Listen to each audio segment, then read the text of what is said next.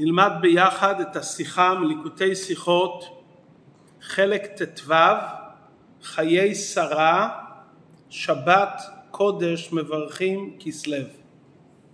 פרשת חיי שרה נקראת פעמים רבות בשבת מברכים חודש כסלו. כידוע יש קשר בין פרשיות השבוע לבין זמן קריאתן בתורה. ברור שהמהות של חודש כסלו מרומז בשבת חיי שרה. מה המיוחד של חודש כסלו? במה הוא נבדל מחודשים אחרים? הרי כל חודש יש לו איזה חג שהחג משפיע על כל החודש. כפי שאנחנו רואים בנוגע לחג הפורים, שהמגילה אומרת והחודש אשר נהפך להם מיגון לשמחה. כלומר עקב ימי הפורים כל החודש נהפך לששון ולשמחה. כך גם חודש כסלו שקשור לחנוכה, שמתחיל בכ"ה כסלו, קשור עם כל חודש כסלו, ואנחנו מוצאים בפרשת חיי שרה רמז לעניין החנוכה. מה היה הנס של חנוכה ועל שם מה נקבע ימי החנוכה? לזכר נס פח השמן. לא מצאו אלא פח אחד של שמן, ולא היה בו להדליק על היום אחד. נעשה בו נס והדליקו ממנו שמונה ימים. מעין הנס הזה אנחנו מוצאים בפרשתנו אצל שרה ורבקה. חז"ל אומרים שיצחק הביא את רבקה לאוהל של שרה אמו, נר השבת שהדליקו שרה ורבקה דלק מליל שבת ועד ליל שבת. כלומר רואים גם נס גדול עם עניין הנרות. בחנוכה יש כאן חידוש על הנס של שרה ורבקה, בברור, כי אנחנו קובעים הרי את, את החג כחג לעם ישראל כולו, דחוק לומר שהמעלה המיוחדת שיש בחנוכה ביחס לנס שהיה אצל שרה ורבקה אמותינו, שאצל שרה ורבקה הנר דלק מליל שבת לליל שבת, כלומר שבעה ימים. ובנס חנוכה לא היה בו להדליק אלא יום אחד והדליק שמונה ימים. אם כך אז הנס ההבדל הוא סך הכל הבדל כמותי. אין כאן הבדל במהות העניין. כאן היה נס וכאן היה נס. אנחנו רוצים להבין מה מיוחד בנס החנוכה, שקבעו עבורו נס שלא היה בחגים, לא היה בניסים אחרים בעם ישראל. כדי להבין זאת, עלינו להתבונן באיזה אופן היה הנס של חג החנוכה. אפשר להסביר את זה שנס החנוכה היה נס כמותי ואפשר להסביר שהנס היה נס איכותי. אפשר לומר שהנס היה כמותי, הפח שממנו מילאו נשאר כל יום מלא כבתחילה, או שהנרות בהם יצקו את השמן נשארו מלאים. זה אם נאמר שהנס הוא נס כמותי. אפשר לומר שהנס היה נס איכותי, שאיכות השמן השתנתה, כמות, השמש באופ... כמות השמן באופן טבעי מספיק ליום אחד בלבד, כאן זה דלק לשמונה ימים. כלומר שכל יום קלטה שמינית מן השמן שבפח. כפי שאומר הבית יוסף, שחילקו את השמן שבפח לשמונה, וכל יום מילאו במנורה חלק אחד בלבד, או כפי שמסביר הפרי חדש, שביום הראשון מילאו את כל השמן במנורה, ובכל לילה דלקה רק שמינית מהשמן. לפי זה יוצא לכאורה שהבירור אם נס חנוכה דומה לנס הנרות של שרה ורבקה תלוי בשני האופנים. באופן השני אמרנו שהנס היה איכותי, כלומר השמן נהפך לשמן איכותי יותר, שיכל לדלוק הרבה יותר זמן מאשר כמה ששמן רגיל יכול לדלוק. בחנוכה התוספת הייתה לשמונה ימים, אצל שרה ורבקה היה לשבע ימים, שבעה ימים. בחנוכה היה נס נפרד כל יום, שהרי הדליקו את המנורה כל יום, יש מצווה להדליק את המנורה. ואילו אצל שרה ורבקה הנרות דלקו ברציפות שבוע ימים. זה אם נאמר שהנס היה איכותי, כלומר שאיכות השמן השתנתה.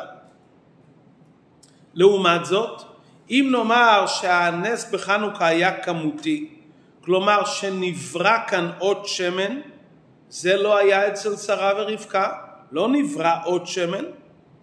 אם נאמר שהנס היה שכמות השמן נשארה מלאה כבתחילה, כלומר שהתווסף כאן שמן, זה לא מצינו אצל שרה ורבקה.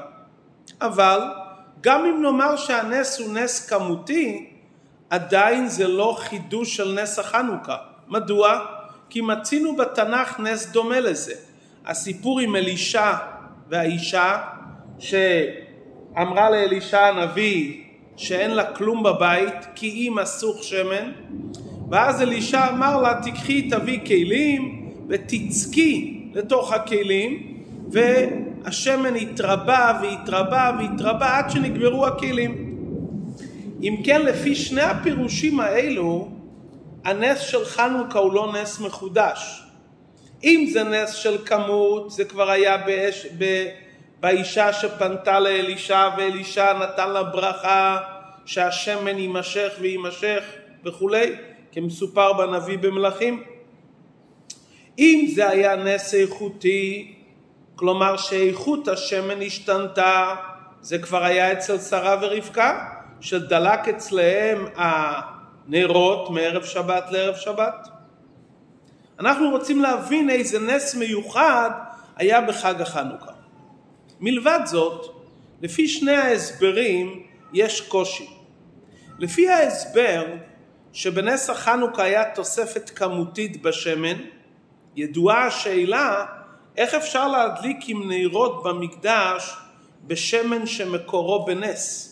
כלומר נהיה פה נס, התווסף שמן כמותי שלא היה לכתחילה באופן טבעי והתורה אומרת שצריכים להדליק שמן זית להעלות נר תמיד, כלומר צריכים שיהיה שמן זית ולא שמן נס. מה נצטרך לבאר?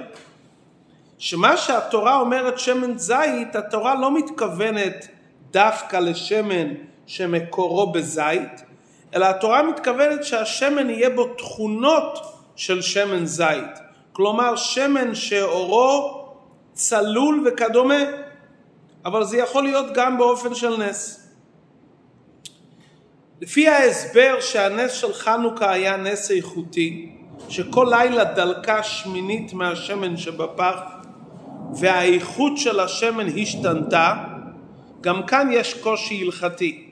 הלכה אומרת לגבי הדלקת המנורה, תן לה מידתה שתהא דולקת מערב עד בוקר, שירו חכמים חצי לוג.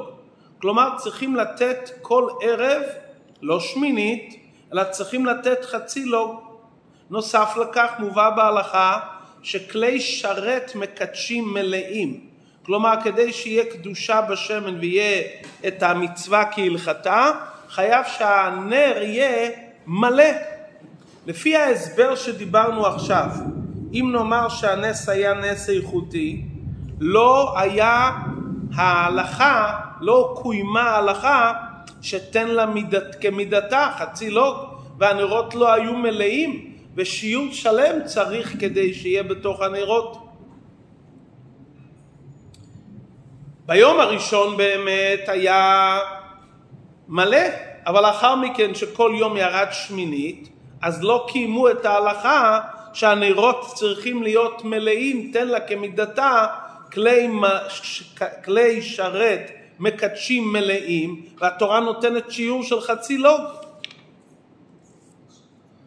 לכן אנחנו צריכים למצוא הסבר שלישי, מחודש, לראות שמצד אחד לא יהיה פה עניין של נס, אלא יהיה שמן זית טבעי, ומצד שני שישימו בנרות של המנורה שמן מלא כמידתה חצי לוג. אפשר לומר שבעצם נתנו את כל השמן בנרות. כי התורה אומרת שצריך לעשות שמן זית טבעי ושיהיה מלא ומילאו את הנרות ביום הראשון. בבוקר מצאו שהנרות מלאים שמן. איך זה קרה? השמן דלק ולא נגרע מאומה. לא באופן, איך שדיברנו קודם, שהשמן דלק ואחר כך התמלא באופן של נס. לא. אם זה ככה אז חוזרת השאלה שמן זית ולא שמן נס. השמן דלק ויחד עם זה לא נגרע מאומה מהשמן. חז"ל אומרים בנוגע לאש של מעלה שהיא שורפת ואינה אוכלת. ואז מתקיים העניין של שמן למאור. מהשמן נהיה אור, כי האש שלמעלה שורפת ואינה אוכלת. פירוש הדברים. אנחנו מחפשים לעשות את הדברים באופן מושלם הלכתי ובאופן טבעי. אם נאמר שנתנו את השמן במנורה וזה השמן נכלה, אז היה שמן של נס. וצריכים להגיע לפלפל שהכוונה שמן זית שיש לו תכונות של השמן. אפשר להסביר כמו שאמרנו עכשיו. מעולם לא נחסר כלום מהשמן והשמן נשאר מלא. כמו שמצינו במדרש על העניין של אש של מעלה שורפת ואינה אוכלת. לא חל שום נס על השמן. לא התווסף בגוף השמן כמות וגם לא התחזק באופן איכותי. אבל הנס לא היה עם השמן, הנס הוא עם האש. האש שלמעלה לא מכלה את השמן והשמן שבער ויחד עם זה לא נחסר מאומה. זאת אומרת תתקיים כאן תן לה מידתה חצי לוג מלא בשמן טבעי שמעולם לא נחסר אף טיפה מן השמן והמאור מגיע מהשמן ולא באופן של נס כי באש של מעלה קיים מעצמו את היכולת ל- ל- ל- לאכול ולא לשרוף ולא לאכול זאת אומרת היא שורפת ולא אוכלת איך זה יכול להיות? הרי לכאורה זה עניין של נמנע נמנעות. אש ואור נרות טבעיים גורמים לכיליון השמש, השמן. כאן לא חסר מאומה מהשמן. כלומר היה כיליון ואי כיליון בבת אחת. ידוע מה שכתוב ברשב"א, שהקדוש ברוך הוא נמנע הנמנעות. היו דעות בחוקרי ישראל שחשבו שנמנעות הם גם בחיק הבורא. כלומר, לא יכול להיות אצל הקדוש ברוך הוא שני דברים סותרים, שאיש אחד ירכוב על חמור ובאותו העת גם לא ירכוב. זה לא יכול להיות, או שהוא רוכב או שהוא לא רוכב. אז היו כאלו שאמרו שגם למעלה לא יכול להיות דברים הפוכים. הרשב"א חולק על אותם חוקרים ואומר שאצל הקדוש ברוך הוא גם דברים שהם סותרים יכולים להיות כי הסתירה זה רק מצד רצון השם. מצידו יתברך אין שום דבר נמנע והוא מושלל גם מהשלילות והנמנעות גופה. לכן הוא נקרא נמנע נמנעות. הוא יכול לקיים שני דברים הפכים וסותרים באותו רגע. אנחנו בשכל לא יכולים להבין את זה כי שכל מוגדר. אבל הקדוש ברוך הוא יכול להיות גבול ובלי גבול כאחד. כמו שמצינו בגמרא בנוגע לקודש הקודשים, שמקום הארון אינו מן המידה. קודש הקודשים היה עשר אמות, הארון היה צריך להיות בו מידות מסוימות, המאתיים וחצי אורכו, ואם הוא לא היה בגדר הארון כמידותיו, הוא כבר אין לו את קדושת הארון, וחסר עיקר תורת הארון, ובכל זאת שמדדו את קודש הקודשים, ראו שהארון לא תופס מקום, ויש עשר אמות ריקות, למרות שהארון נמצא. זאת אומרת, היה בקודש הקודשים נמנע נמנעות כל יכול, בלי גבול וגבול כאחד. עשר אמות מלאות והארון לא תופס מקום למרות שלארון יש מידות. ככה היה גם בנס החנוכה. האש שרף את השמן ונכלה, כי זה המצווה, המצווה הרי שעיוור האש כתוצאה משמן. ובאותו רגע גופה לא נחסר טיפה אחת מאותו שמן. זאת אומרת, היה פה, הקדוש ברוך אמר, אתם תעשו באופן טבעי, האש תשרוף את, הנר, את השמן באופן טבעי, ובאותו רגע לא ייגרע שום דבר מהשמן. כיליון ואי כיליון בבת אחת. זה היה הנס של חנוכה. לפי זה מובן מה שדיברנו לעיל, הכל מסתדר. לפי ההסבר הראשון שאמרנו היה תוספת בכמות השמן. לפי ההסבר השני היה תוספת באיכות השמן. לפי ההסבר עכשיו היה שני הופכים כאחד, כיליון ואי כיליון. בהסבר הראשון שהיה תוספת כמותית בשמן, מתי היה הנס? ברגע שנגמר השמן ופתאום התווסף כמות, באותו רגע ראשוני בלבד היה הנס. באופן השני שהשתנה איכות השמן, אז הנס היה בזמן שהשתנה איכות השמן. את תוצאות הנס ראו בכל רגע ורגע, אבל הנס עצמו היה רק ברגע הראשון שהקדוש ברוך הוא שינה את איכות השמן שיכול להדליק הרבה זמן. באופן הראשון שאמרנו שהיה תוספת בכמות השמן, מי שלא היה ברגע שנגמר הנר וראה איך שזה התמלא, לא ראה את הנס. הוא בא וראה שזה מלא. באופן השני, אתה רואה שיש פה קצת שמן והוא איכותי. אתה רואה את זה כל רגע ורגע. אבל הנס התרחש באותו רגע שהקדוש ברוך הוא שינה את איכות השמן.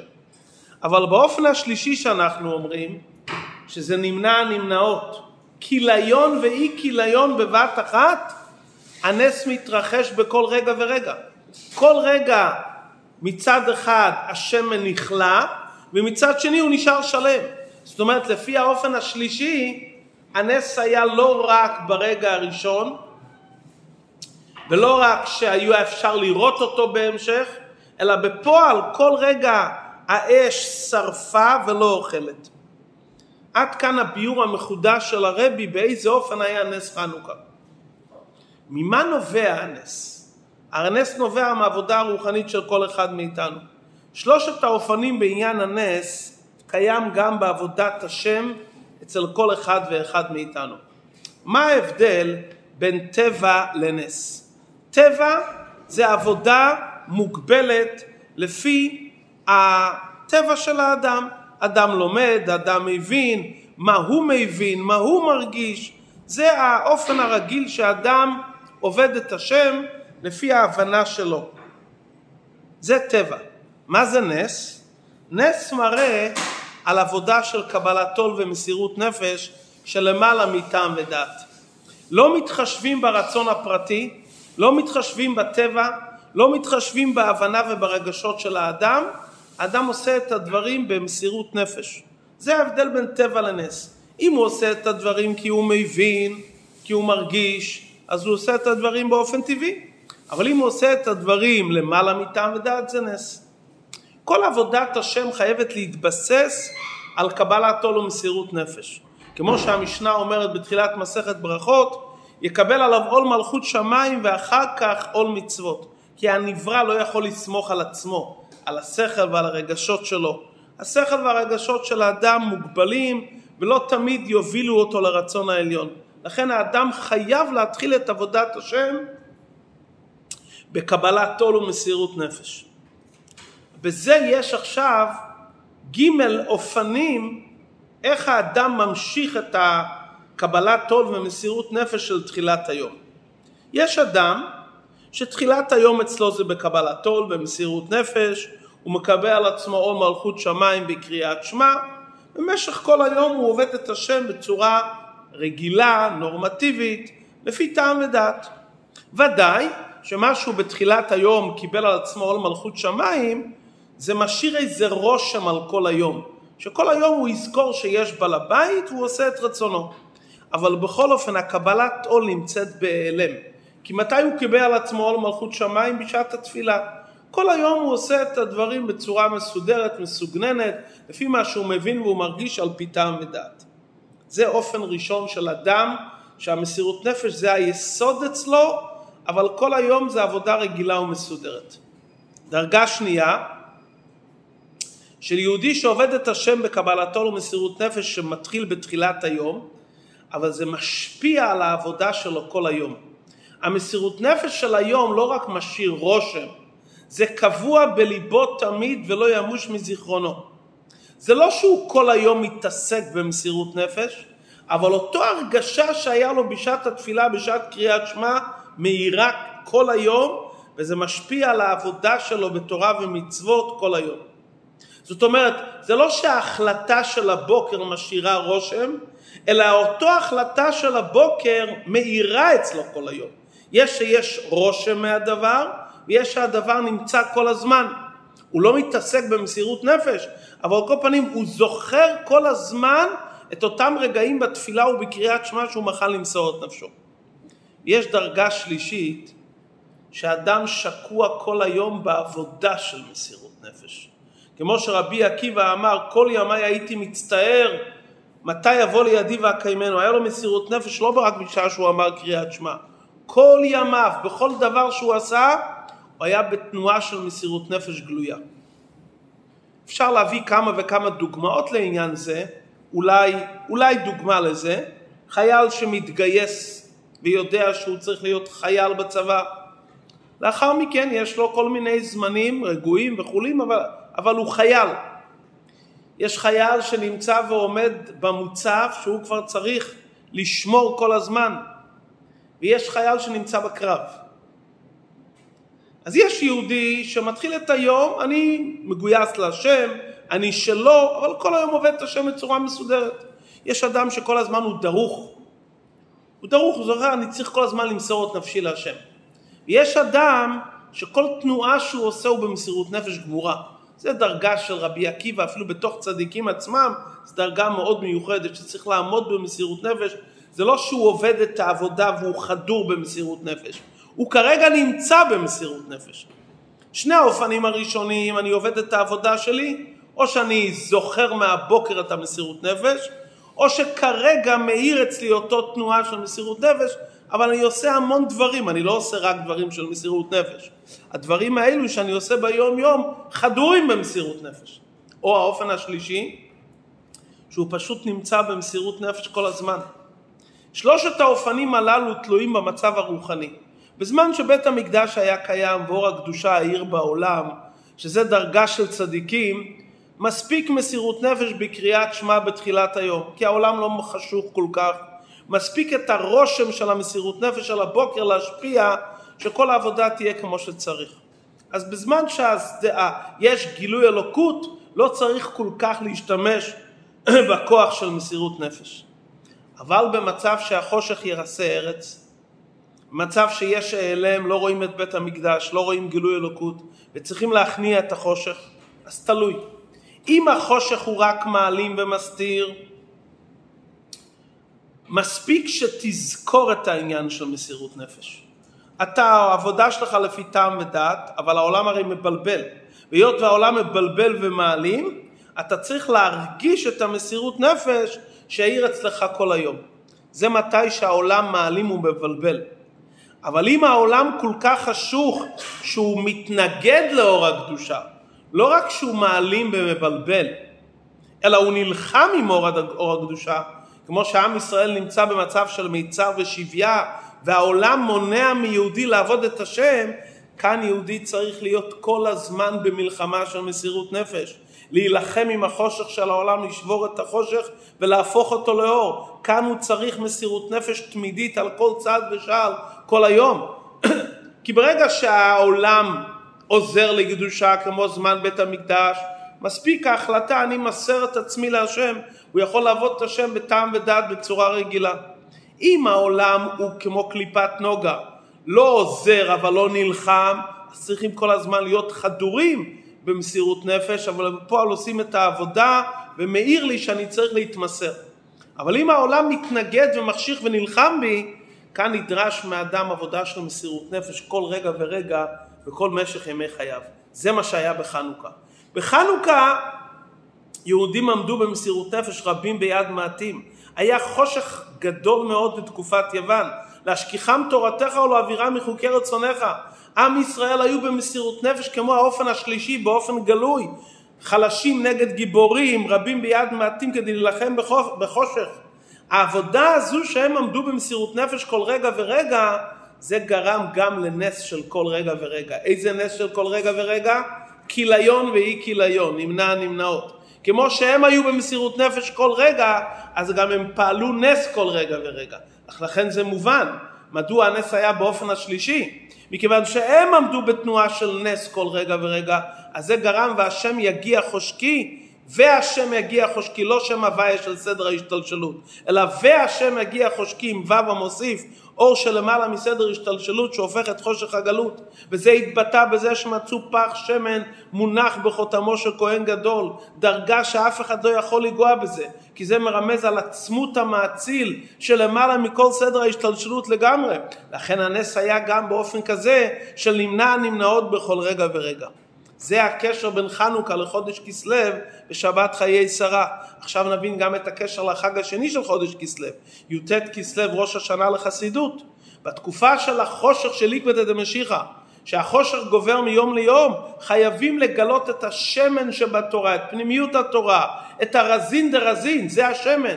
הנס של השם מגילוי השמן שבתורה, לגלות את נקודת היחידה שבתורה, שזה חסידות רזין דרזין, למעלה מארבע דרגות פשט רמז דרוש סוד, וזה מגלה את היחידה של האדם, ולגלות את זה באופן של יפוצו מעיינותיך החוצה, שהמעיינות יגיעו לכל מקום, ודווקא על ידי זה יהיה והשם יגיע חושקי, גם החושך של סוף זמן הגלות יתהפך לטובה, עד שבלילה כיום יאיר, בקרוב ממש.